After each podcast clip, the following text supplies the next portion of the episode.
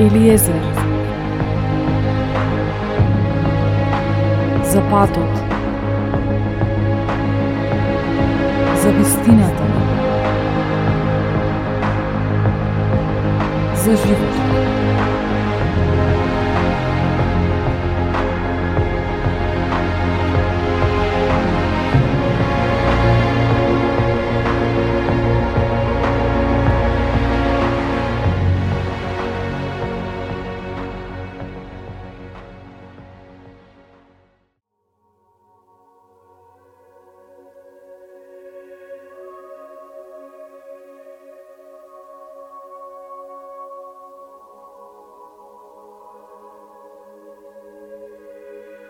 Да му пристапиме на Бога преку силата на верата.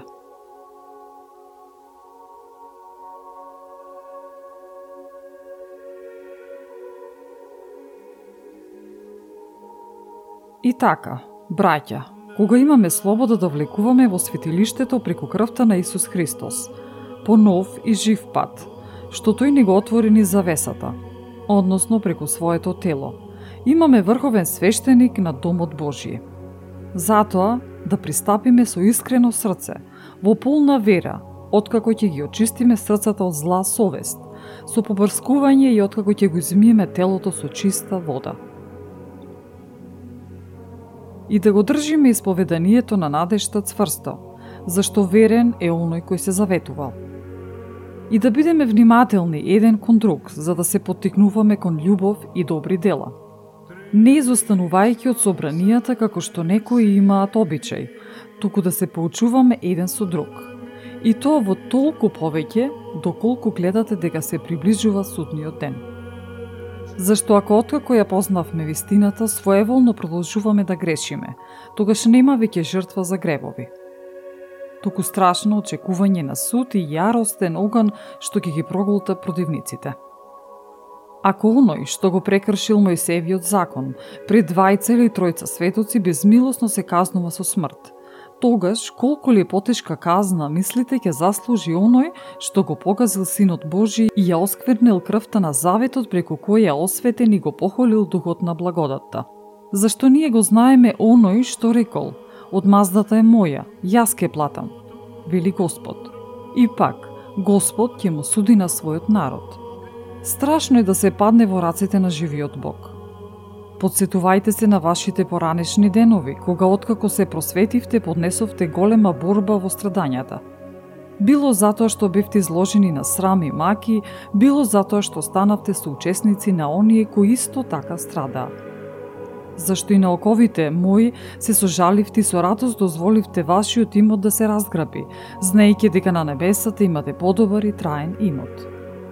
И така, не напуштајте ја вашата слобода, таа ви носи голема награда. Најнапред ви е потребно трпение, па откако ќе исполните волјата Божија да го добиете ветеното. Зашто уште малку, сосем малку, и оној што иде ќе дојде и нема да задоцни. А праведниот преку верата ќе биде жив. Јас не се радувам за ниеден кој отстапува. Ние пак не сме од оние што остапуваат и гинат, туку од оние кои веруваат и се спасуваат. А верата е подлога за увереноста во она на која се надеваме, убеденост во она што не се гледа. Преку неа постарите добија сведоштво. Преку верата разбираме дека вековите се создадени со Божи збори дека од невидливото произлегло видливото. Со вера Авел му принесе на Бога подобра жртва, од Каиновата. Преку неја да тој доби сведоштво дека е праведен, бидејќи Бог посведочи за неговите дарови. Преку неја, иако мртов, тој уште зборува. Преку вера Енох беше преселен за да не види смрт и не се најде, бидејќи Бог го пресели. Зашто преку преселувањето тој да доби сведоштво дека му угодил на Бога. А без вера не е можно да му се угоди на Бога бидејќи оние кои доаѓаат кај Бога треба да веруваат дека тој постои и дека ги наградува оние што го бараат. Преку вера, Ное, откако беше предупреден за она што уште не се гледаше, со послушност го направи ковчегот за да го спаси својот дом. Со тоа тој го осуди светот и стана наследник на праведноста по вера. Со вера, Аврам, кога беше повикан, послуша да појде во местото што требаше да го добие во наследство. И тргна, не знаејќи каде оди. Со вера се всели Аврам во ветената земја како туѓинец и живееше под шатори со Исак и Јаков, наследници на истото ветување. Зашто тој го очекуваше оној град што има основи, чи градител и творец е Бог.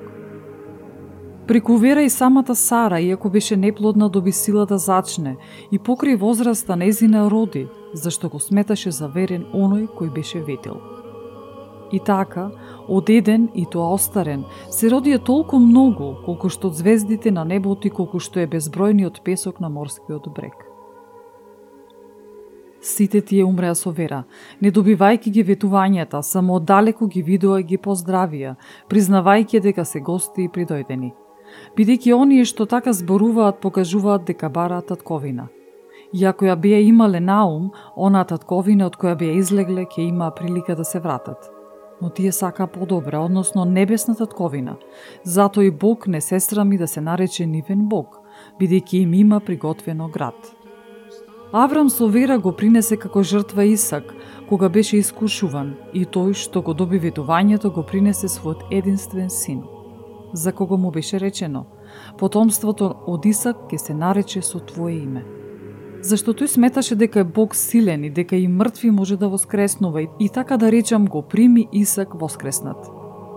Со вера Исак го благослови Јаков и Исав за еднината.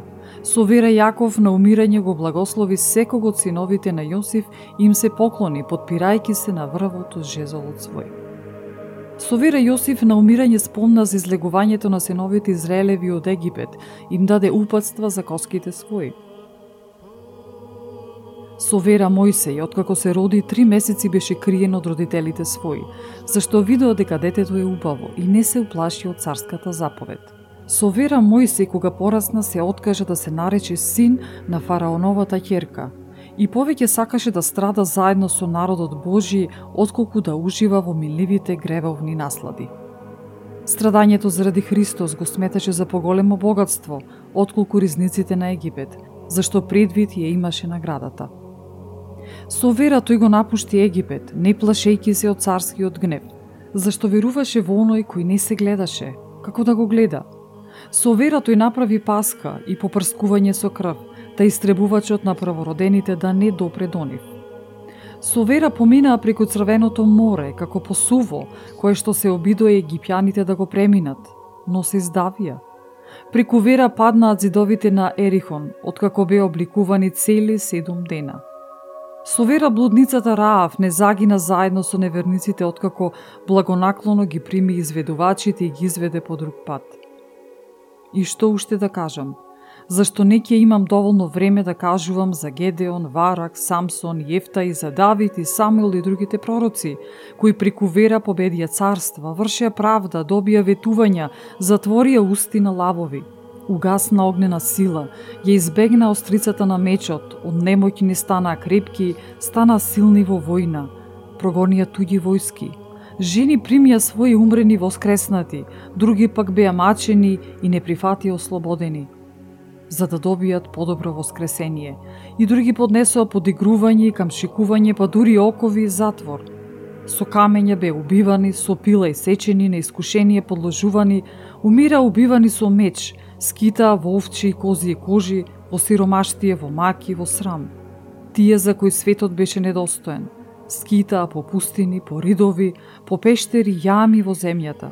И сите тие, иако примија сведоштво преку верата, сепак не го добија ветеното, зашто Бог предвиде нешто подобро, та тие без нас да не примат совршенство.